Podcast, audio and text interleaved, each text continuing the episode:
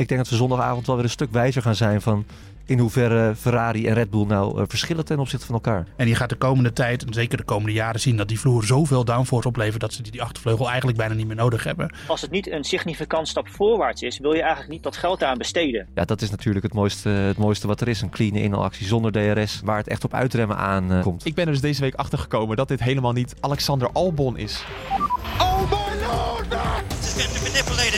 We needed a bit of luck. Oh my god! Max Verstappen, you are the world champion! The world champion! Welkom bij aflevering 6 van het vijfde seizoen van de Bordradio. En we gaan in deze uitzending vooruitblikken op de Grand Prix van Australië. Joost, je bent er weer bij, Joost Nederpelt. Ja. Uh, eindelijk gaan we weer naar Australië toe. Uh, ja, zeker sinds twee jaar, eigenlijk en drie jaar geleden dat we daar voor het laatst geraced hebben. Ja, zeker. Want jij was er nog twee jaar geleden, in de, ja. toen het begin van de, van de pandemie. Nou, de pandemie was al begonnen, maar... Uh... Ja, dat wist de Formule 1 alleen nog niet. Nee. nee. nee. Ja, nee, en nu niet, niet uh, naar Australië afgereisd, want ja, het is drie dagen werken daar en dan twee keer 24 uur reizen is een beetje te veel van het goede. Dus we doen het vanaf Hoofddorp. Maar dat Hoofddorp is ook heel mondiaal en dus dat is ook heel leuk. Absoluut, absoluut. Ja. En wie er ook in Hoofddorp is, is natuurlijk onze Patrick Moeken. Um, Goedemorgen Bas. Goedemorgen. We gaan uh, aan het eind van deze uitzending gaan wij ook wat complotjes bespreken. Dat ligt helemaal in jouw straatje. Altijd leuk. D dit wordt jouw uitzending, jongen. Dat komt ja? helemaal goed. Ja. Um, wie er nog meer bij is, dat is een beetje een, iets aparts. Je weet al wie erbij gaat zijn. Dat is Hoop in Toen natuurlijk. Um, Hoop in, goede, goede, goedemiddag voor jou. Maar waar zit jij in godsnaam? Ja, goedemiddag. Ja, jullie kunnen het natuurlijk zien via de camera. Maar ik zit uh, ergens uh, op Lantau. Dat is een, uh, nou, ver weg van het centrum van Hongkong op een camping. Uh, we kunnen natuurlijk nog steeds moeilijk reizen hier in Hongkong. En uh, ja. de familie had het idee opgevat om een aantal dagen te gaan uh, kamperen. Dus ik zit hier in de wijde natuur. Prachtig om me heen, dat wel. En, dus als je af en toe een vogel voorbij ziet vliegen of een koe voorbij ziet lopen, dan weet je wat het is. Maar je zit in Hongkong op een camping. ja, ja. niet in Ermelo of zo. Nee. Ja. Zeker. Ja. Nee. ja. Ja, leuk dat dat daar ook een beetje... Ja, misschien is het heel normaal, maar ik vind het toch wel ja, apart om te horen. Ik denk bij Hongkong meteen aan de kamperen. gaan we de meest, uh, de meest high-tech sport ter wereld verslaan. Dat doen we gewoon even. Ja. ja. nou, dat gaan we allemaal doen. Mooi contrast. En daarom hoor je misschien ook dat de kwaliteit van Hopin ietsje minder is. Maar uh, nou, we hebben je vooral uitgenodigd voor de inhoud. Dus, uh, dat en niet komt... voor het geluid. En niet voor het geluid. Nee, dat komt helemaal goed. We gaan dus weer terug naar uh, Melbourne inderdaad. En Joost, ik begin even bij jou. De baan is nogal flink aangepast. Ja. Um, vier DRS-zones bijvoorbeeld. Er is er één bijgekomen, ja. ja. ja. Uh, wat belangrijk is, de, de knik in bocht 6, die is aangepast. Waardoor je nu een hele lange doordraaier hebt die waarschijnlijk vol gas gaat zijn. Nee, dat is bocht 9 en 10 zijn eruit gegaan. Precies. Ik had, ja. ja, maar het is down-under toch? Dus ik had de 6 even omgedraaid naar 9. Dat snap je allemaal wel. Mooi. Dit is een voorbereid grapje? nee, zeker niet. Uh, okay. Probeer me je uit te Heel adrem, heel adrem. uh, ja. um, uh, maar dat gaat er wel voor zorgen dat we meer kunnen inhalen. Want dat was het grootste probleem van Melbourne. Dat is de bedoeling de bedoeling. Maar gaat, gaat de theorie ook uitkomen? Ja, dat gaan we zien. Ik bedoel, ik zou, uh, ik, als ik het allemaal zo bij elkaar uh, optel, dan zijn er een hele hoop uh, entries van bochten. Dus de ingang van de bocht is op heel veel plekken breder geworden. er zijn, bij twee bochten is er positive camber aangebracht. Wat inhoudt dat de bocht naar buiten toe wat omhoog oploopt. Ja. Klein beetje hoor. Je moet niet, niet denken aan Zandvoortachtige tafereelen, maar heel klein beetje. daardoor zijn er meer lijnen mogelijk. Kan er ook dieper ingeremd worden in een bocht. Dus dat moet helpen. En, uh, en er is gewoon een DRS-zone bijgekomen, omdat bocht 9 en 10, uh, dat is die uh, chicane met een knik naar rechts en dan links dat rechtstuk op. Bij die muur daar, dat is verdwenen. Dat is gewoon één rechts, ja, volgasgedeelte geworden. En ja. niet zo recht, rechtstuk, kun je het beter noemen. Maar, ja, het opvallende is wel dat er nog wel steeds maar twee DRS-detectiepunten zijn. Ja, uh, dat, ik moet zeggen, dat was, was wel altijd al zo dat uh, het, de DRS-zones op het rechtstuk, dus start-finish en het, het rechtstuk van bocht 3 naar bocht 4, dat was ook al altijd met één detectiepunt. En die andere, ja, dat is nu ook met één detectiepunt. En die ligt dan bij het uitkomen van bocht 6. En dan is het gewoon vol gas en dan zit alleen die hoogsnelheidschicane erin, wat is nu bocht 9 en 10. en dan door naar bocht 11 is dat nu. Dat was bocht 13. En Ja. daar is een groot, die is haakser geworden. Ook met positive camber. eh, breder. Nou ja. eh, en dan in combinatie natuurlijk met dat, dat auto's beter moeten kunnen inhalen. Precies, want eh, de afgelopen 10 jaar is berekend dat er gemiddeld er 28 inhaalacties waren in Melbourne. Dat is de op drie, twee na slechtste race als je kijkt naar inhaalacties. Monaco gemiddeld over de afgelopen 10 jaar maar 10 inhaalacties-. En dan heb ik ook nog Budapest met eh 26. Dus dat zegt allemaal wel wat. Ja, Hopin, denk jij dat eh, deze veranderingen ervoor gaan zorgen dat we meer kunnen inhalen? Ja, dat lijkt me wel. Kijk, als je zeker kijkt natuurlijk dat de DRS-zone, vooral van uh, ja, bocht 8, die eigenlijk nu min of meer tot en met tot bocht 11 loopt. Uh, ja, dat is gewoon een lang recht stuk. En dan zeker in het gedeelte tussen bocht 10 en bocht 11 uh, zul je waarschijnlijk zien dat mensen kunnen inhalen. En voorheen zag je dat ze dan wel naast de andere auto konden komen, maar dan kon je eigenlijk heel makkelijk de binnenlijn verdedigen, waardoor je in bocht 11 natuurlijk het voordeel had. Ja, en dan kwamen ze er gewoon niet voorbij. En dat zal nu uh, denk ik wat anders zijn. Alhoewel het afwachten blijft natuurlijk hoe makkelijk ze kunnen volgen, maar ja, dat, dat zal een stuk beter worden.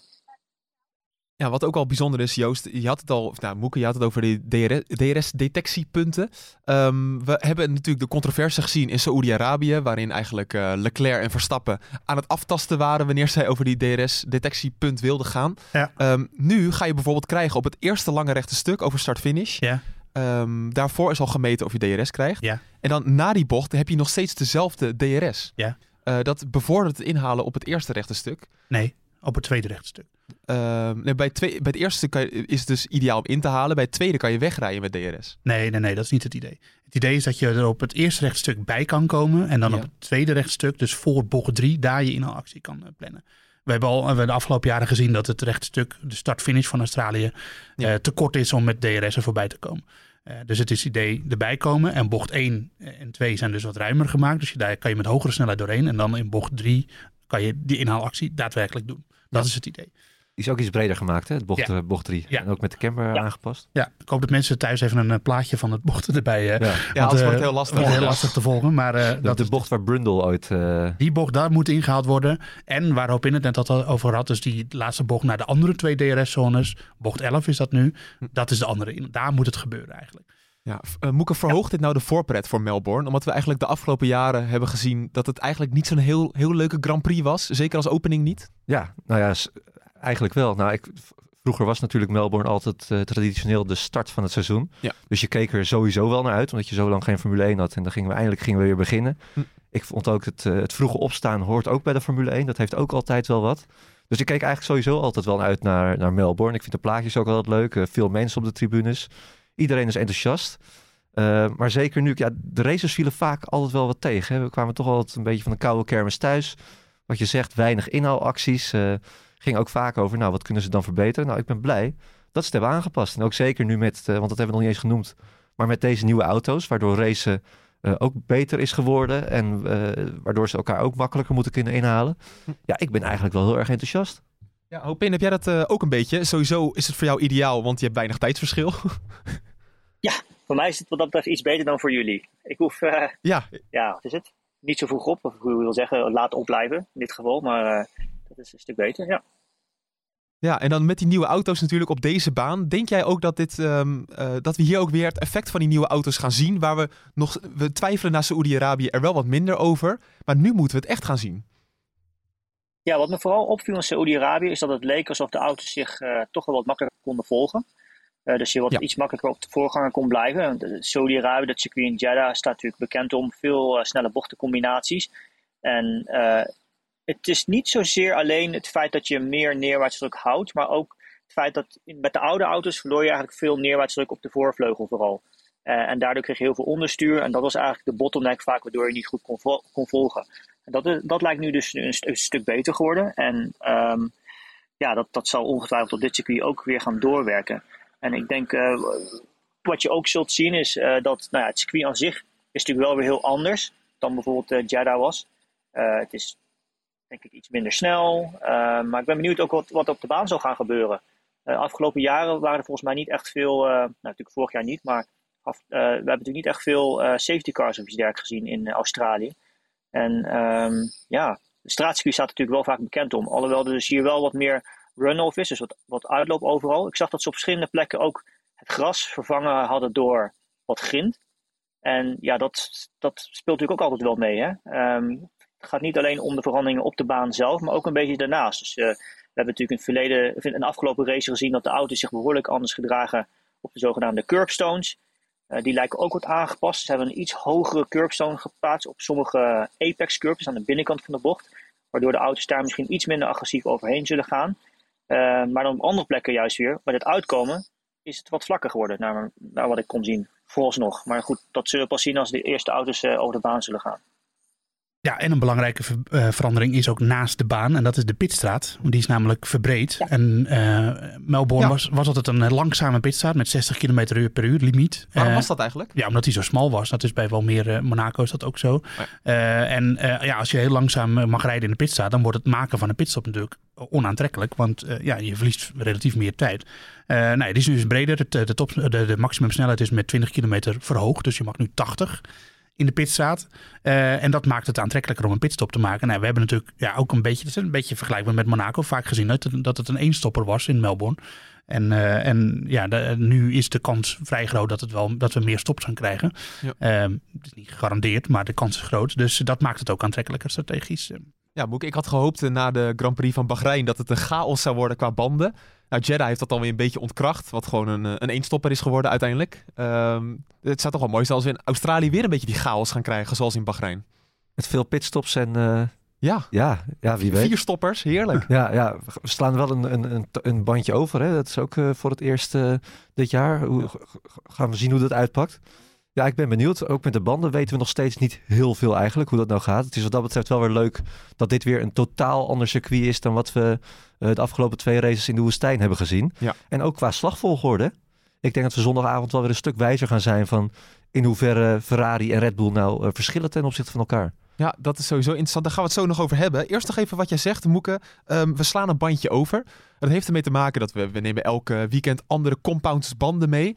Dit weekend hebben we de C2, de C3 en dan zou je denken C4. Maar die slaan ze dus volledig over. We gaan naar de C5. Ja. Dus de oude eh, ultra softs, super softs. Wat is het? Nou, ik denk dat je die gewoon eh, moet Ja, nee, maar even voor de duidelijkheid. Ja. De hele zachte De banden. zachtste die er zijn, ja. ja. Ja.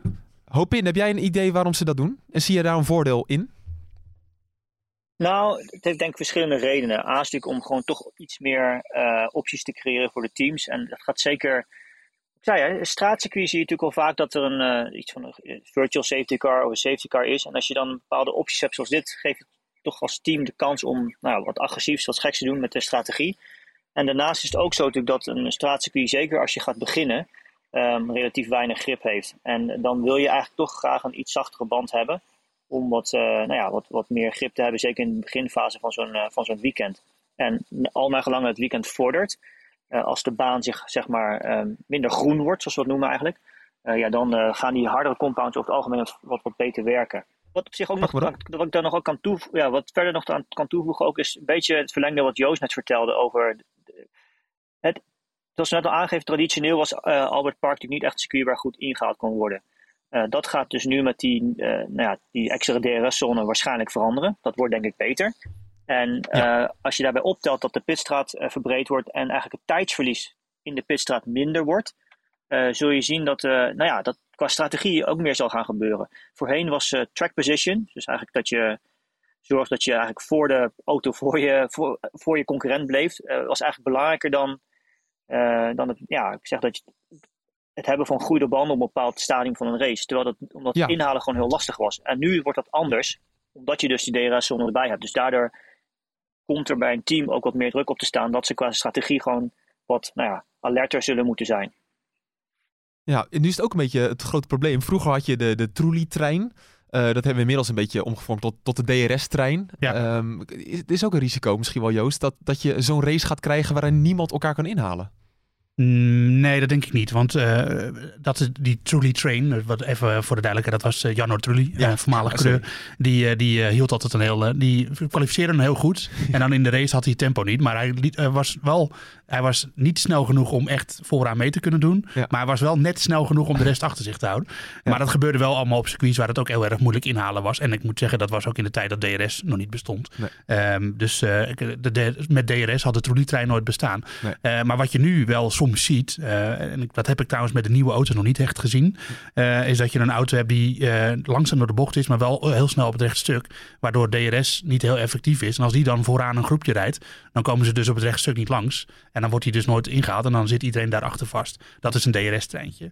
Eh, maar dat heb ik met de nieuwe auto's eerlijk gezegd nog niet gezien. Dus dat, eh, ja, ik ben daar niet zo bang voor hier. Ook omdat ze dus die entries van de bochten veel breder hebben gemaakt. Daardoor is het veel moeilijker om te verdedigen. Want voorheen, eh, in, vooral in bocht 3 in Melbourne, hoef je maar één lijn af te dichten. of tenminste af te schermen. En dan kon hij er al niet voorbij. Maar nu is er volgens mij in die bocht al iets van drie, vier meter asfalt bijgekomen. Dus ja, is het veel makkelijker om hem ernaast te zetten. Dus ik, ik denk dat het ik denk dat het effect gaat hebben, de regels. En dat we dat dus niet, dit fenomeen niet gaan krijgen. Uh, maar ja, de praktijk zal het leren zondag. Uh. Ja, want Moeke ook nog. Uh, wij hadden vorige week ook een discussie even over DRS. Maar wij vonden het juist weer leuk. En dat het de races leuk maakte. Ik zag in Engeland wel veel kritiek. Dat het, het toch die neppe manier van inhalen en zo. Ja, wat, wat, vind jij er nou uiteindelijk van? Als je het een beetje buiten de emotie belicht? Ja, het, het, het, is moeilijk. Je hinkt een beetje op twee gedachten. Hè? Aan de ene kant wil je gewoon dat het racen zo natuurlijk mogelijk uh, gaat. Ja. Ik zag van de week ook weer een geweldig filmpje voorbij komen van de Formule 1 op uh, Indianapolis. Waarbij je echt zonder DRS uh, slipstreamend dat ze elkaar waren aan het inhalen waren. Ja, dat is natuurlijk het mooiste, het mooiste wat er is. Een clean inhaalactie zonder DRS. waar het echt op uitremmen aan, aankomt. Maar ja, je moet ook reëel zijn. dat, dat lukt niet altijd met deze auto's. We hebben heel veel geklaagd over dat het te saai was, de Formule 1. Te weinig inhaalacties. Nou, dat moest beter. Toen kwam DRS, het, het, het, inhalen is beter geworden. Nou, dat moet nu met deze auto's nog beter worden. Ik, hoop dat, dat we er ooit vanaf kunnen, maar ja, volgens mij kan dat nu nog niet. Dus ja, dan moeten we er maar blij mee zijn. Ja, want je hebt nu vier DRS-zones. Als je dan constant inhaalacties hebt, dan ben je toch meer tevreden dan dat je het helemaal niet zou hebben natuurlijk. Ja, en, en het is ook nog steeds, het is nog steeds niet heel makkelijk. Wat ook een, een, paar jaar geleden op Bahrein was dat geloof ik, waar ze echt aan de lopende band aan elkaar aan het inhalen waren. Kijk, dat wil je ook niet hebben. Maar zeker op een circuit als Albert Park, waar inhalen al moeilijk is. Uh, ja, kom maar op met die DRS. Maar ik denk dat, dat de DRS uiteindelijk uh, een beetje gaat verdwijnen uit de Formule 1, puur omdat de achtervleugels steeds kleiner worden. Het effect wordt, is al minder groot. Is al minder, ja. Want uh, je, gaat, je, gaat, uh, je ziet het nu bij Mercedes. Nou, Mercedes doet het nu als labmiddel, omdat ze natuurlijk gewoon problemen hebben met die auto. Maar die achtervleugel begint steeds kleiner te worden.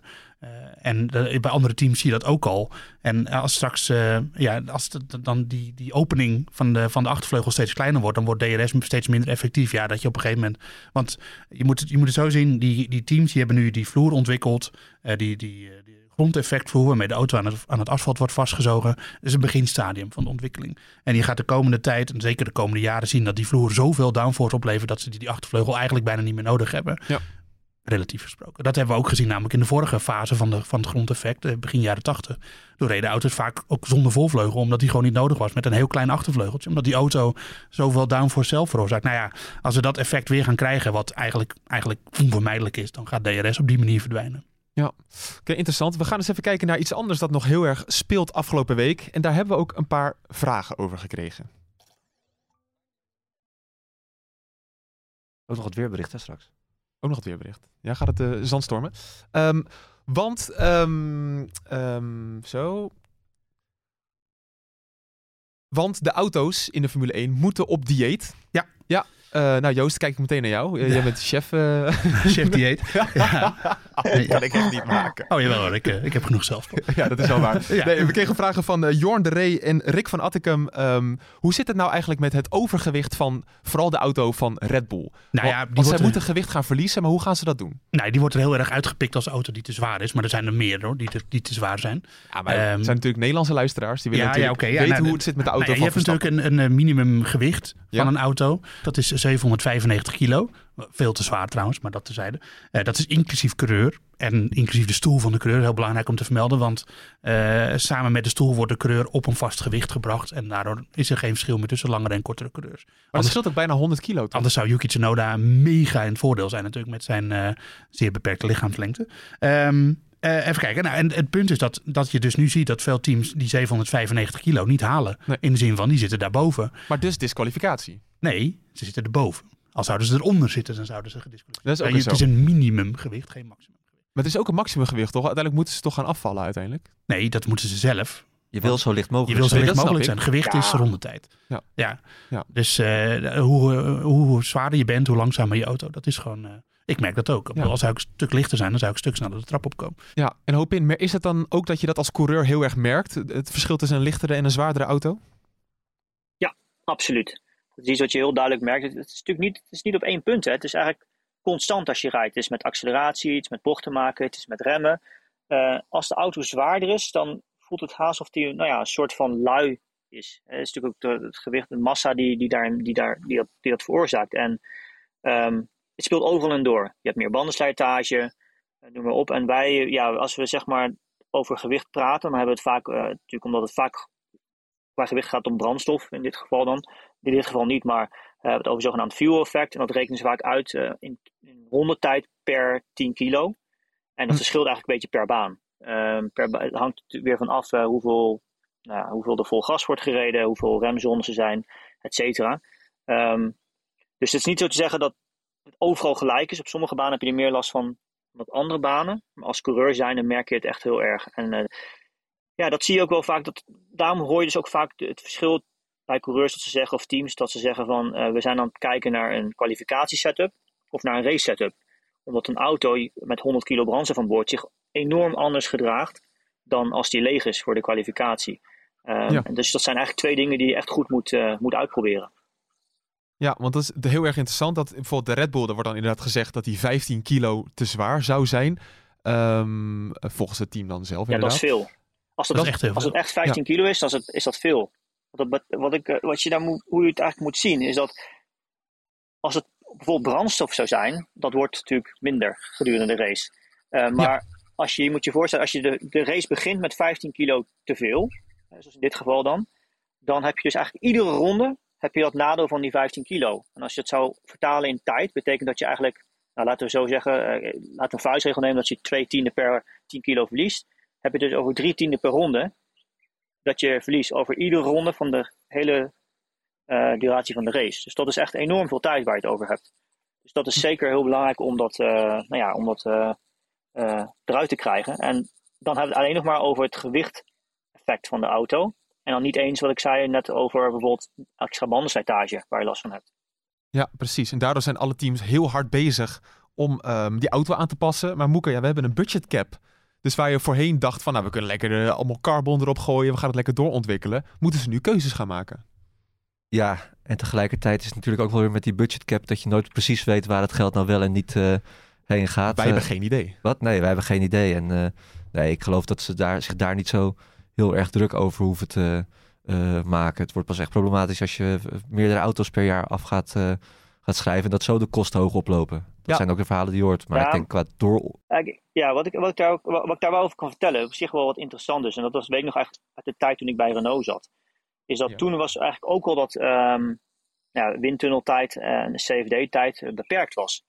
En uh, wat je toen eigenlijk al zag gebeuren, is dat het natuurlijk werd gedaan om uh, nou ja, het budget te, uh, te drukken, naar beneden te krijgen. Maar het had eigenlijk een averechts effect. Namelijk dat het, het, team ontwierp iets. Uh, dat werd dan vervolgens in CFD getest. Als dat een bepaald resultaat had, dan maakten ze daar een windtunnelmodel van. Dat zetten ze dan in de windtunnel. Maar als het niet instantly, dus echt meteen het effect had wat ze verwachten, werd de windtunnel meteen weer uitgeschakeld.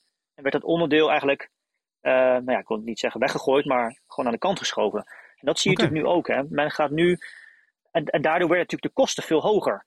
Uiteindelijk, omdat die andere afdelingen constant bezig waren om met nieuwe onderdelen te komen, nieuwe ontwikkelingen te maken. Dus je bespaarde ja. in principe wel op windtunneltijd, maar eigenlijk alles eromheen werd duurder. En, en in dit geval is het natuurlijk ook zo dat je op bepaalde uh, afdeling van een team wil je zien dat men uh, op een hele andere manier te werk gaat om dus binnen die budgetcap te blijven.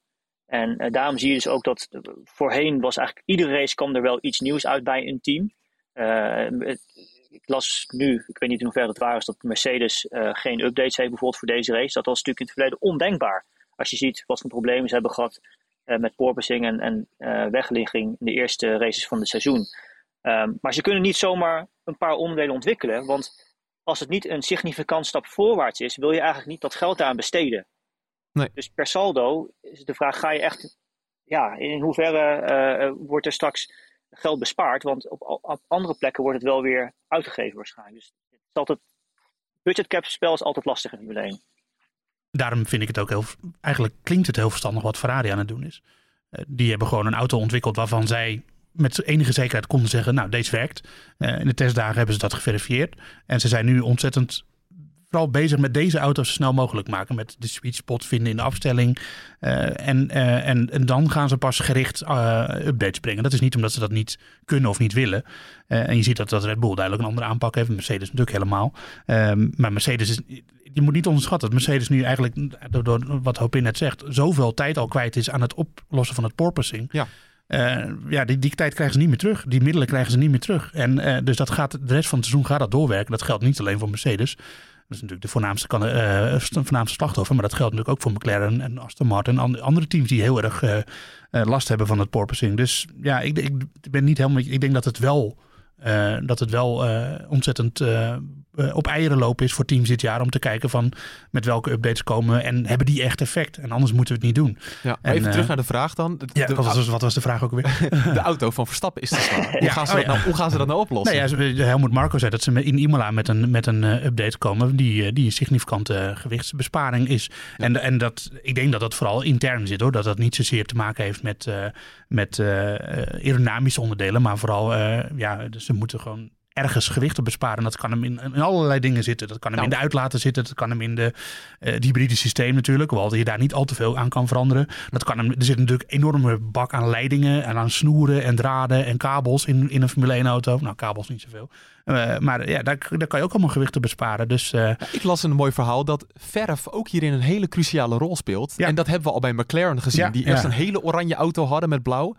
En nu is in één keer de helft wat zwart geworden. nou, het mooiste verhaal daarvan is natuurlijk Mercedes. Mercedes staat bekend als de zilveren pijlen, zilverpijlen. Ja. Eh, en dat is, vraag me niet naar het jaartal, maar dat is ooit ontstaan. Want elk, elk land had vroeger zijn eigen racekleur. Italië was rood, Frankrijk blauw, British Racing green, Oh ja. Engeland eh, groen en Duitsland was wit.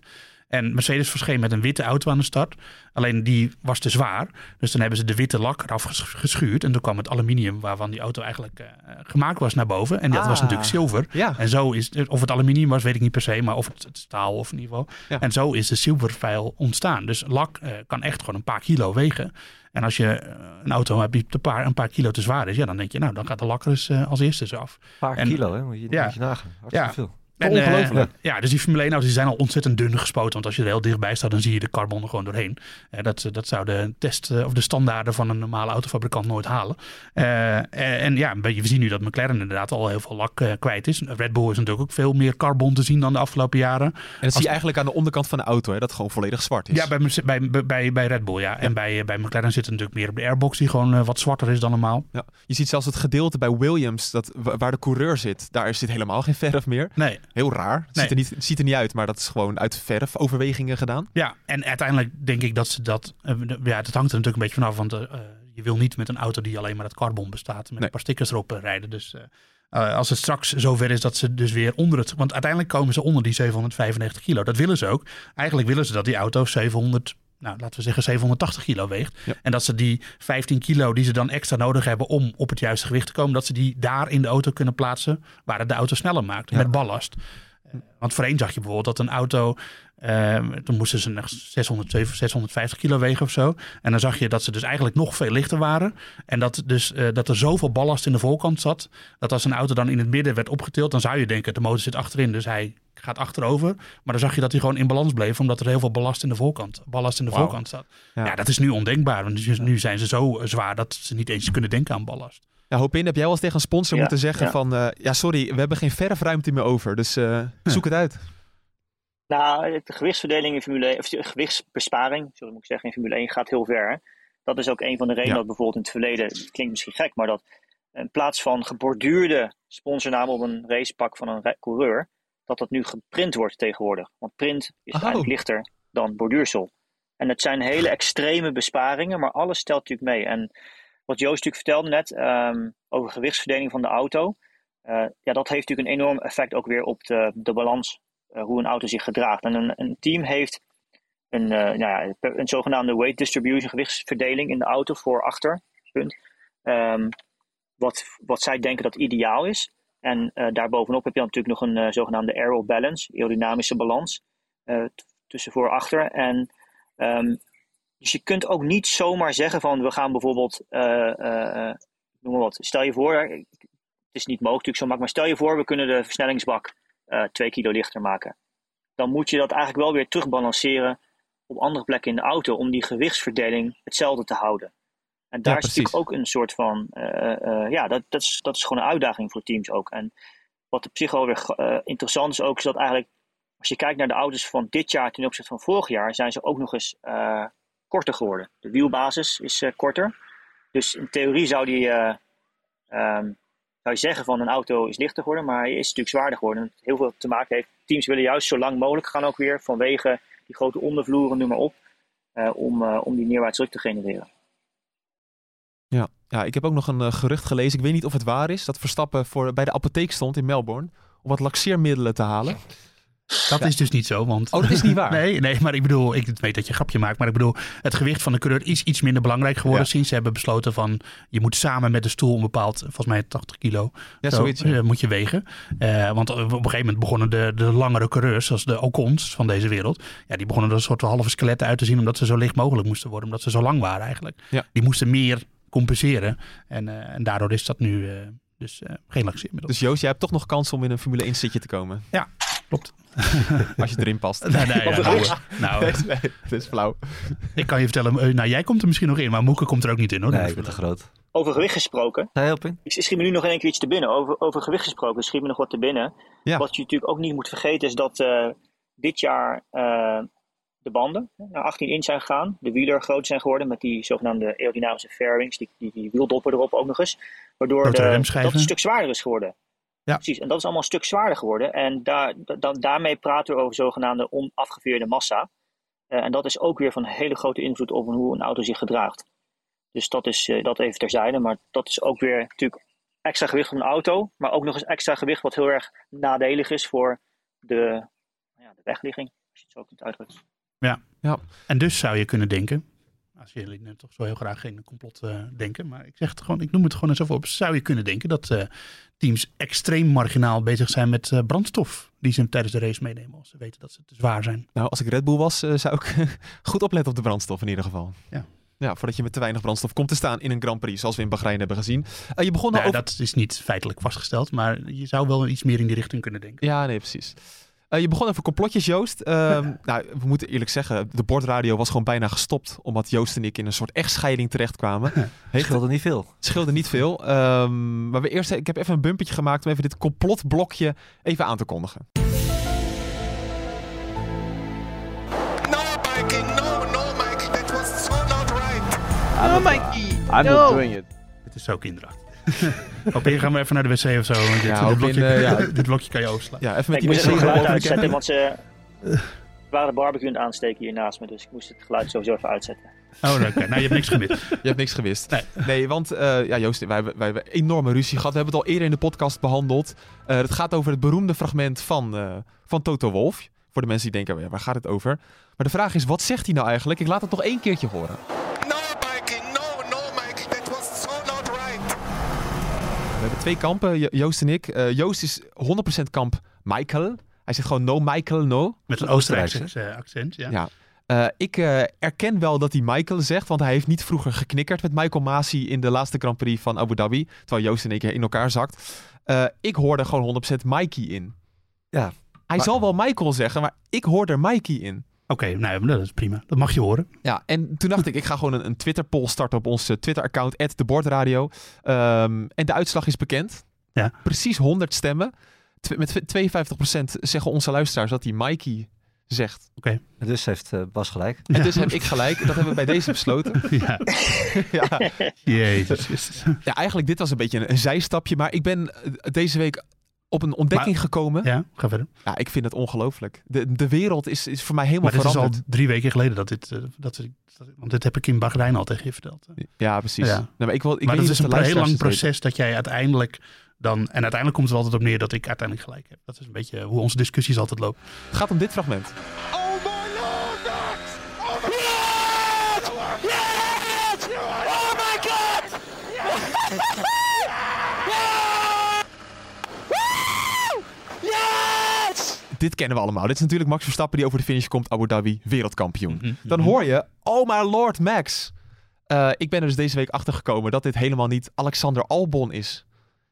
Zeggen ze? Nee joh, Hoop in, dit is niet Alexander Albon. nee, dat kan niet Albon zijn. Die heeft helemaal geen toegang tot die radio. Nee, dat, nee, ja, dat op zich snap ik dat ook Tot wel. het kanaal naar de auto. In principe, je hebt zeg maar, als je, als je je je ziet zitten vaak aan de, aan de pitwall en de pitmuur, hebben ze zo'n eh, nou, zo'n rij met allemaal knoppen voor zich. En er zijn maar een Ja. x aantal mensen, waaronder dus eh, nou, Christian Horner in dit geval. ehm ik denk wie nog meer, de race engineer, GP. Eh, dat zijn de Ja, mensen die Wheatley. Alleen Whitley. kunnen communiceren. En Wheatley inderdaad, ja. En, maar dat, dat zijn de enige mensen die direct met de auto communi- kunnen communiceren. De rest van de mensen binnen een team kunnen dat gewoon niet. Je hebt allemaal die knop op de, op de koptelefoon zitten ook, maar die zijn nou ja, eh, niet zo geschakeld dat je daarmee naar de auto kunt praten. Dus het, het is eigenlijk Ja. helemaal niet mogelijk dat het album is geweest. Dat moet een van die drie zijn geweest. En ik denk dat dat dus Lambias is, zijn race engineer. Mag ik deze oppakken? Nou, Want hier moet nee, ik eerlijk... wil, nee, ik wil ik- even ik- één ding zeggen. Nee, Joost, ik mag, nou snap- mag ik even. Nou Nee, nee, ik, nee, ik wil- ik mag even. Ik moet eerlijk toegeven dat ik ook dacht dat het album was. Want hij klinkt inderdaad als album. Oh Ja. Eh, want het, ja, ik bedoel, maar toen uiteindelijk heb ik daar nooit verder over nagedacht. Ik denk, hij zal wel een koptelefoon gepakt hebben in de pitbox. En Zoiets. zoiets zal het Ja. wel geweest zijn. Ik bedoel, ik bedoel dat, dat in theorie, ik bedoel, ik ben helemaal eens met, met wat Hoop in Ja, zegt. maar dat wilde ik ook zeggen. Ik snap heus wel de- hoe het werkt. Ja, maar maar Albon heeft waarschijnlijk een microfoon gepakt. het zou kunnen. Maar, maar dat blijkt dus niet zo te zijn. Want het is gewoon Giampiero Lambiase, a- a.k.a. GP. Wat natuurlijk volstrekt logisch is dat hij dat zegt. Ja, nu Ja. heeft Albon dit drie weken geleden in een interview al geroepen. Maar ik dacht, joh, waarschijnlijk... Ik had nog een soort van complotje erin gezien dat, dat hij eh, illegaal die microfoon heeft gepakt. Dat mocht allemaal niet. Mocht allemaal niet. Ja. Nu heeft eh, GP, Giampiero Lambiase, voor het eerst een hele lange tijd een interview gegeven. Ja, ik, we gaan er toch even naar luisteren. I think I would like to say I'm fairly calm, collected, rational in a lot of my radio transmission and, and communications with Max. And uh, uh, I have to admit that was me screaming down the radio at that point and not, not Albon, um, bless him. Hij geeft het zelf toe. Hij zegt normaal ben ik heel rustig over de radio, heel kalm. Maar nu ging ik even helemaal uit mijn plaat. En ik moet eerlijk toegeven, ik was het en niet Albon. Nou, sorry, voor mij is de, de realiteit eh, wordt nooit meer hetzelfde. Nee, pijnlijk hè? Ja, je, je- je kent hem helemaal niet eh, zo. Nee, Het, het, het- ja, hij- ik vind het ook nog steeds moeilijk te, te begrijpen. Het, is een, eh, het Ja. gaat helemaal nergens over, dat moeten we er ook bij zeggen. Ja, Ja. moet Kunnen we ik het nu weer zeggen. over een serieuze zaak Ja, nee, ik, maar ik wilde dit toch even kwijt. Ja. Ik wilde toch, Nee, heel ik- goed. ik- Heel heel veel goed. luisteraars wisten dit waarschijnlijk ook niet. Dus Nee. eh, ik ben het kwijt. En dat sowieso in een, in een week waarin heel veel ehm, nieuws is geweest. Onder andere Las Vegas is erbij gekomen. Ja. Enthousiast, Joost? Zeker. Ja, nee? Ja, ja, ja. ja, ja. Ik, ik ben zelf een keer in Las Vegas geweest. Eh, en ik vond het een, eh, een hele leuke plek. Ja. Voor twee dagen, hoor, dan moet je wel weer verder gaan eh, met je roadtrip. Maar eh, ja, het is een ontzettend, eh, hoe noemt Formule 1 dat tegenwoordig ook weer? Een soort van destination event. Dus dat de, bestemming heel belangrijk is. Nou, Ja. kijk, we gaan niet daar een fantastisch spa-achtig circuit krijgen natuurlijk. Dat laat dat duidelijk zijn. Het wordt gewoon linksaf, nieuw- linksaf, nieuw rechtsaf. In. Nee, het wordt heel saai. Ik bedoel, het baantje, daar gaat het uiteindelijk niet om. En, maar ja, voor de Formule 1 is het ontzettend belangrijk ehm, dat, dat, dat je zulke bestemmingen nu aan kan doen in Amerika. Wat altijd een beetje een lastig terrein was. En het is, het is eigenlijk ook nog wel opvallend dat de Formule 1 eh, de promotie en alles zelf doet. Ja. eh, van Las Vegas. Dus eh, eh, ik, ik denk dat het echt een mooie overwinning is voor de Formule 1. En, eh, en, en natuurlijk echt het, het effect van Drive to Survive. Zeker, zeker. Moeke, ben je ook enthousiast over, over de bestemming? Ja, zeker. zeker. Ook, ook over de baan? Ja, ik weet niet of we dat al kunnen zeggen. Ik, vind- ik vind dat ook altijd moeilijk. Want bij Baku zeiden we ook van ja, die baan is, eh, slaat nergens op, veel te lange rechte stukken. Daar heb ik eigenlijk pas een oordeel op als we er echt op gereden hebben. En tot, eh, tot dat moment geef ik het voordeel van de twijfel. Ja. Ik vind het wel altijd ook leuk, onderdeel van een Grand Prix. En dat heb ik ook vaak bij circuits als Monza en zo. Het gaat ook om de plaatjes en op van de, de, de sfeer eromheen. En die zijn natuurlijk fantastisch in, eh, in Las Vegas. We gaan lekker letterlijk tussen, over die strip rijden, tussen de hotels. Ja, ik eh, kom erop. Ik, ik, ik, ben, eh, ik ben wel enthousiast. Ja, Hopin, ben jij ook enthousiast? Want, want ehm, jij bent natuurlijk ook coureur. En als je naar de baan kijkt, is het nou niet mega uitdagend. Nee, ja goed, het is natuurlijk een initiële layout die ze hebben vrijgegeven. Daar kan natuurlijk nog wat een en ander veranderen. En wat vaak heel Ja. erg belangrijk is bij een straatcircuit, is hoe breed het vooral is op bepaalde punten. Dat bepaalt namelijk of je wel of niet makkelijk eh, nou ja, kunt inhalen.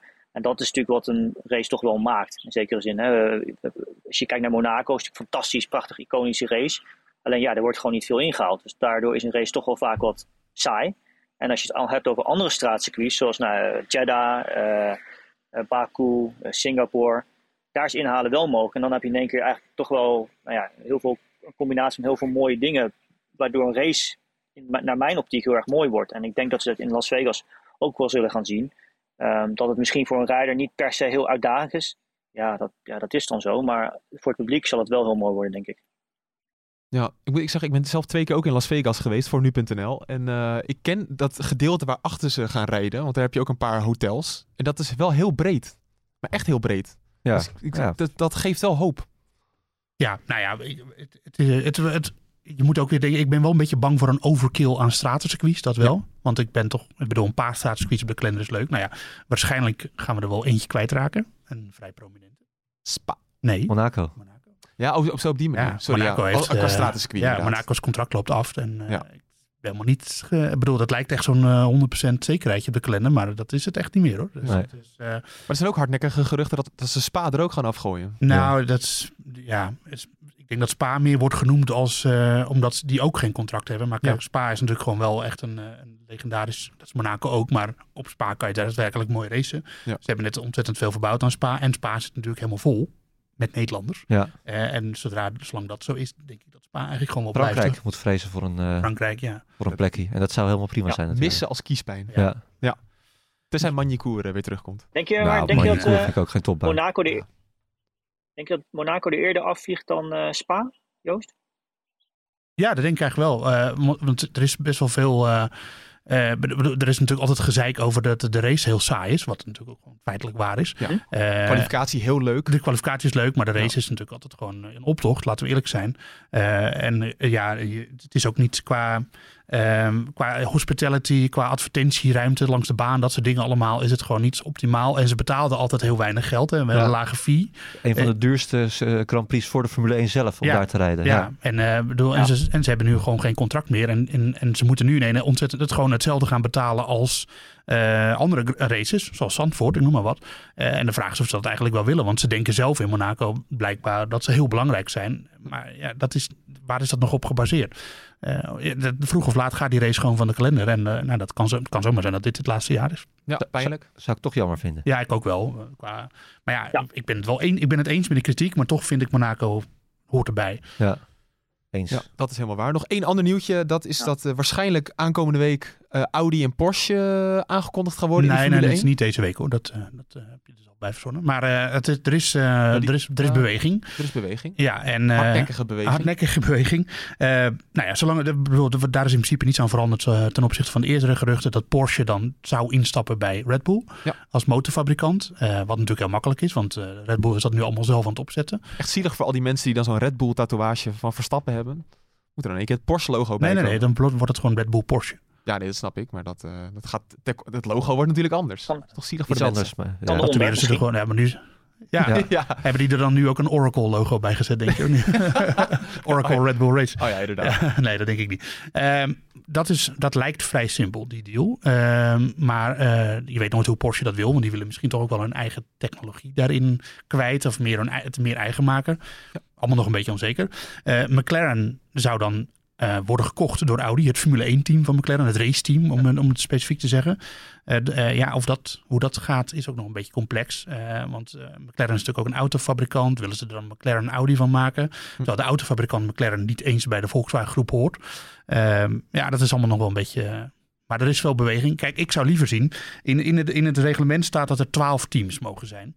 Ik had natuurlijk liever gezien dat Porsche en Audi allebei gewoon zelf een team zouden gaan, eh, gaan eh, beginnen. Gewoon erbij komen. Ja, erbij. Dat zou natuurlijk veel mooier zijn. Maar eh, dat, ja, dat lijkt niet echt reëel. Nee, dat gaat niet gebeuren. We Maar het is wel ontzettend goed nieuws. Dat wil ik wel even zeggen. Ontzettend goed nieuws voor de Formule 1. Als de Volkswagen groep, dat is gewoon de grootste autofabrikant van Europa. En een van de grootste ter wereld. Als die zich nu weer committeert aan de Formule 1. Dat zegt echt wel heel veel over de toekomst van de sport. Eh, en hoe gezond dat allemaal is. En misschien denken mensen wel van, ah, bijvoorbeeld Las Vegas, weet je wel. Ik ga liever naar Spa. Eh, of eh, waarom moet Monaco er dan af? Maar ja, het is voor de, voor de toekomst van de sport. Zijn dat soort races en eh, dat soort bestemmingen. En dan en is het heel belangrijk eh, om die fabrikanten erbij te houden. Ja. Want als alle autofabrikanten ineens stoppen met de Formule 1, ja, dan verliest het een hele hoop glans. En, eh, dus, en het, het ging natuurlijk een tijdje die kant op. Honda is eruit gestapt, er nog maar drie over. Ja, moeilijk, moeilijk, moeilijk. En nu komt er gewoon een, een, een enorme speler komt er weer bij. Ja. Ja, dat is super belangrijk voor de, Formule 1. Superbelangrijk. Weet je wat ook belangrijk voor de... Nee, dat is, dat is een heel slecht bruggetje. Maar ik wilde een bruggetje maken naar het Nieuwsport GP-spel. Want we gaan toch eens kijken welke coureurs we daar gaan invullen natuurlijk voor dit weekend.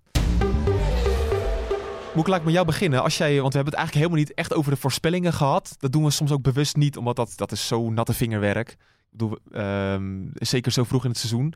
Maar kan je toch een poging wagen? Nou, als we het aan de hand van het GP-spel doen, dan moet je natuurlijk weer voor eh, eh, Leclerc en Verstappen gaan. Ja. Alhoewel ik toch ook wel wat verwacht van Carlos Sainz. Die heeft toch wat zijn probleempjes gehad in de eerste twee Grand Prix eh, dit jaar. Dus het zou me misschien niet zoveel verbazen als Sainz dit keer sneller gaat zijn Nee. dan zijn teamgenoot. Gaf dit weekend ook, of afgelopen weekend nog aan in een interview dat de auto nog niet doet wat hij wil. Nee, precies. Dat is moeizaam. En als het dan toch opgelost is, Albert Park is toch ook een circuit waar niet iedereen eh, he- heel lang op heeft gereden. Hm. Ja, ik geef, ik geef Sainz een goede kans. En of, of het nou Ferrari of Red Bull het snelste is dit weekend, ik denk dat het weer heel dicht bij elkaar zit. Ja, hoop in, doe jij eens een duit in het zakje. Als je het hebt over Red Bull en Ferrari, wat verwacht jij? Nou, ik denk dat eh, qua auto's waarschijnlijk de Ferrari iets wat de overhand zal hebben op dit circuit. Dat het net wat, eh, de Ferrari-auto net wat beter ligt. Dus ik denk dat wat dat betreft de Claire misschien de betere papieren heeft. Waar, dat in, eh, waar ik zei dat het in eh, Jeddah bijvoorbeeld omgekeerd was. Ehm, Ja. Maar we gaan het zien. We hebben natuurlijk in Jeddah een hele mooie race gezien. Waar Verstappen uiteindelijk aan het langste eind trok. Omdat zijn auto gewoon... Nou, wat, dat moet ik nog zeggen. Wat, wat, wat mooi was aan Jeddah is dat eigenlijk Ferrari, Red Bull, maar ook andere teams eh, een behoorlijk andere filosofie hadden in hoe ze de auto eigenlijk eh, runden daar. Dus in die zin dat bij Ferrari duidelijk meer was gekozen voor meer neerwaartse druk dan bij Red Bull. En daardoor zag je bijvoorbeeld dat het eh, nou, eerder genoemde DRS-effect bij de Red Bull ook een stuk groter was weer. Eh, je zag dat hij veel sneller naartoe liep dan, dan andersom. En ehm, ja, dat zullen we hier ongetwijfeld ook wel weer zien. Ik zag wat foto's voorbij komen. Eh, heel vreemd dat Mercedes bijvoorbeeld nog steeds dezelfde achtervleugel op de auto had zitten als in Jeddah. Eh, ik kan me haast niet voorstellen dat dat zo zal blijven, maar wie weet hebben ze geen andere keuze. Er zijn natuurlijk twee redenen. We, we in het verleden al aangehaald over topsnelheid, wat Mercedes eigenlijk tekort komt. Maar het kan natuurlijk ook te maken hebben met eh, dat ze een soort van oplossing zoeken naar de porpoising, door middel van de achtervleugel wat kleiner te maken. Omdat een achtervleugel natuurlijk relatief inefficiënt is in het genereren van neerwaartse druk ten opzichte van de vloer. Dus wat je eigenlijk kan doen om die porpoising te verkleinen, is heel makkelijk de rijhoogte verhogen, dus de auto in zich heel omhoog brengen. Maar Ja. daarmee verlies je heel veel neerwaartse druk en ook heel veel efficiëntie. De achtervleugel kleiner maken, kan je misschien net dat moment voorkomen waardoor die auto in die porpoising fase komt, dat die eigenlijk te laag komt te liggen, eh, zonder nou ja, dat je eigenlijk te veel efficiëntie op die auto verliest. Maar ja, het is echt wel een compromis. En dat is wat het moet wel Ja. gezegd worden. Alles wat ze nu doen is echt niet een, een oplossing waarmee ze graag de rest van het seizoen willen rijden. Dat kan ik je wel vertellen. Betekent dat ook dat je Mercedes eh, niet op het podium zou plaatsen, Joost? Nee, eh, eh, nee, zeker niet. En als ik ga kijken tussen de verhoudingen tussen Red Bull en, en Ferrari, is het natuurlijk ook interessant dat, ze dus dat, dat circuit veel sneller is geworden. Ja. En dus de balans tussen downforce en, en topsnelheid is verschoven. Eh, en, eh, en ja, ik bedoel, ik denk niet dat de teams dat in een simulator al helemaal kunnen, kunnen ondervangen. Ik weet, je weet ook niet of alle teams al genoeg mogelijkheden hebben qua productie van hun achtervleugels, voorvleugels. Je zag natuurlijk vorig jaar bijvoorbeeld in, in Abu Dhabi, dan had Red Bull volgens mij vijf verschillende configuraties achtervleugels bij zich. Of ze dat nu ook al hebben, dat betwijfel ik eerlijk gezegd. En, dat betwijfel ik niet alleen van Red Bull, maar ook van Ferrari. Ehm, dus het- ja, dat wordt, wordt heel interessant als ze daarin de sweet spot hè, tussen de, het juiste compromis tussen topsnelheid en downforce kunnen vinden. Ik denk dat het team dat dat het best voor elkaar krijgt dit weekend. En dat hoeft, ja, ik, normaal gesproken denk ik dat dat eh, de Ferrari is, omdat die intrinsiek denk ik het meeste downforce genereert. Ehm, dat dat, dat da- daardoor de winnaar is. En ik denk dat we daardoor eigenlijk nog niet zo heel goed kunnen zeggen wie van die twee het snelste gaat zijn. En dat is alleen maar leuk. Ja. Ik bedoel, eh, dat hadden we het voor, eh, in het vorige gesprek over. Dat, dat je voor één kon zeggen, nou dit is een Red Bull baantje, dit is een Mercedes baantje. Ja, dat is nu gewoon lastiger te zeggen. En dat, dat, ja, dat is eigenlijk de bedoeling natuurlijk. Dat je een weekend in gaat dat je nog niet echt precies weet wie er gaat winnen. Nee, precies. Maar als zou ik nu mijn geld in moeten zetten, dan ben ik het wel eens met dat dit in principe de Ferrari iets beter zou moeten liggen. Ja. Dus Leclerc. Ja, we hebben, nog, we hebben het er nog niet over gehad. Maar er is ook een kleine kans op regen zondag. Ai. Is er een, is er een kleine kans op regen? Ja, ja, ja. In principe, in principe staan we voor een droge race. Maar ik heb zoals altijd weer even contact met eh, onze weerpartner eh, Weerplaza. Ja, En er komt dus een regenfront aan eh, van zondag op maandagnacht. dat meen je niet. Maar het zou kunnen zijn dat die iets, iets eerder komt. En dan valt een natte race niet uit te sluiten. We moeten even blazen met z'n allen. Nou ja, eigenlijk ben ik daar wel blij mee. Want altijd als zij een, een, een, een natte Grand Prix voorspellen, dan blijft het droog. Ja. Nu voorspellen ze dus dat het na afloop van de race gaat regenen. Oh ja. Ja, het omgekeerde. dus ik heb eigenlijk effect. wel vertrouwen in een natte race. Hm. Dat, eh, dat is ideaal. eh Moeke, wat, wat een geweldig nieuws. Ja, toch? Ja. Ja, Ja. laten we hem hier ook weer gewoon mee afsluiten. Dat het eh, hopelijk gewoon een, eh, een, een Eh, natte eh, Grand Prix gaat worden. Hoop in. Ja, ja, daar ga ik nog iets aan toevoegen trouwens. Want wat we ook natuurlijk nog niet hebben gehad dit jaar, en eigenlijk al lange tijd niet, als je het afgelopen jaar erbij rekent, is een eh, race waar het hele weekend eh, bij daglicht eh, plaatsvindt. Hey, ja. Dus worden. alle vrije trainingen, alle trainingen noem maar op, die, die van, vinden natuurlijk nu gewoon allemaal plaats bij daglicht. Dus het geeft de teams wat dat betreft ook wat meer mogelijkheden om nou, dingen te proberen onder wat constantere omstandigheden gedurende zo'n weekend. Hè. We hebben het in het verleden aangehaald, Bahrein en Jeddah, dat de temperatuur als het, de zon daaronder gaat natuurlijk eh, enorm omlaag gaat en dat het heel erg veel effect heeft op hoe een auto zich gedraagt. En dat heb je natuurlijk in, in dit geval op Albert Park ehm, wat minder vanwege het weer. Eh, wat je wel natuurlijk weer hebt, omdat het een straatcircuit is, maar ook niet alleen een straatcircuit, maar in een park ligt. eh, waardoor je dus eh, nou ja, meer baanevolutie hebt. Dus dat de baan gedurende het weekend een stuk sneller gaat worden. Dus, dus ja, er zijn wel weer andere factoren die meespelen, maar het weer blijft in ieder geval, temperatuur blijft constanter. Ik zit even te denken, hoop in wat jij zegt. Het is gewoon vijf races geleden dat we in daglicht hebben gereden. Ja, Brazilië toch? Ja, Ja, Ja. inderdaad. want inderdaad, want je hebt Qatar nog gehad, Saudi-Arabië, Ja, allemaal in donker. Abu Dhabi, Ja. Bahrein. Ja, eh, als, de, de- je ziet nu ook weer hele duidelijke Heineken-sponsoring eh, langs de baan Ja, in eh, het. Melbourne. Wel de 0.0 moet ik zeggen. Ja. Eh, maar dat is natuurlijk ook zo. Dat, die, dat is een grote sponsor van de Formule 1. Ja, die hebben gewoon vijf races. Want in dat soort landen mag dat soort sponsoring niet.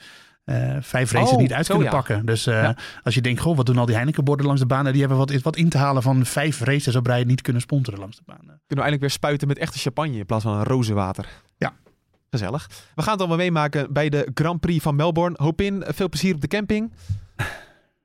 Komt goed. Ik uh, hoop, uh, ik, zit, uh, ik had even wat uh, anti-muggenspray moeten op uh, doen voordat ik begon met jullie. Want uh, ik heb een fotootje doorgestuurd naar Patrick hoe ik erbij zit hier.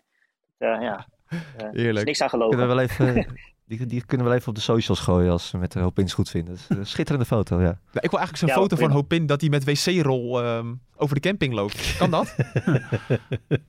Ben, eh, wel met de boordradio uh, opdruk erop dan. Ja. ja, die sturen we wel even op daar naartoe. Ja, nou, Hoop in, veel plezier daar op de camping en met de barbecue. Uh, ik wil Joost bedanken uh, voor zijn bijdrage. Moeke natuurlijk weer voor het geweldige, fantastische nieuws ook op het einde. Misschien gaat het wel regenen in Melbourne. Laten we het hopen. En dan zijn we er natuurlijk zondag. Nou, we zijn er wel veel vroeger, want de race is natuurlijk vroeg. Dus we nemen de podcast eerder op. Ja. Dus je Ja. krijgt zondag al voor het avondeten krijg je de podcast al. En dan kan hoop in er misschien ook wel weer bij zijn zondag, zit ik nu te bedenken. Jazeker. Als het goed is wel. tijden. Ik Ja. eh, kan gewoon eh, de race eh, op normale tijden bekijken. En dan eh, Ja. vervolgens ook op normale tijd de podcast opnemen met jullie. Yes. Kijk eens, heerlijk. Nou, ik zou wel zeggen tot zondag, tot de Grand Prix van Melbourne. Tot dan. Ciao. Ja.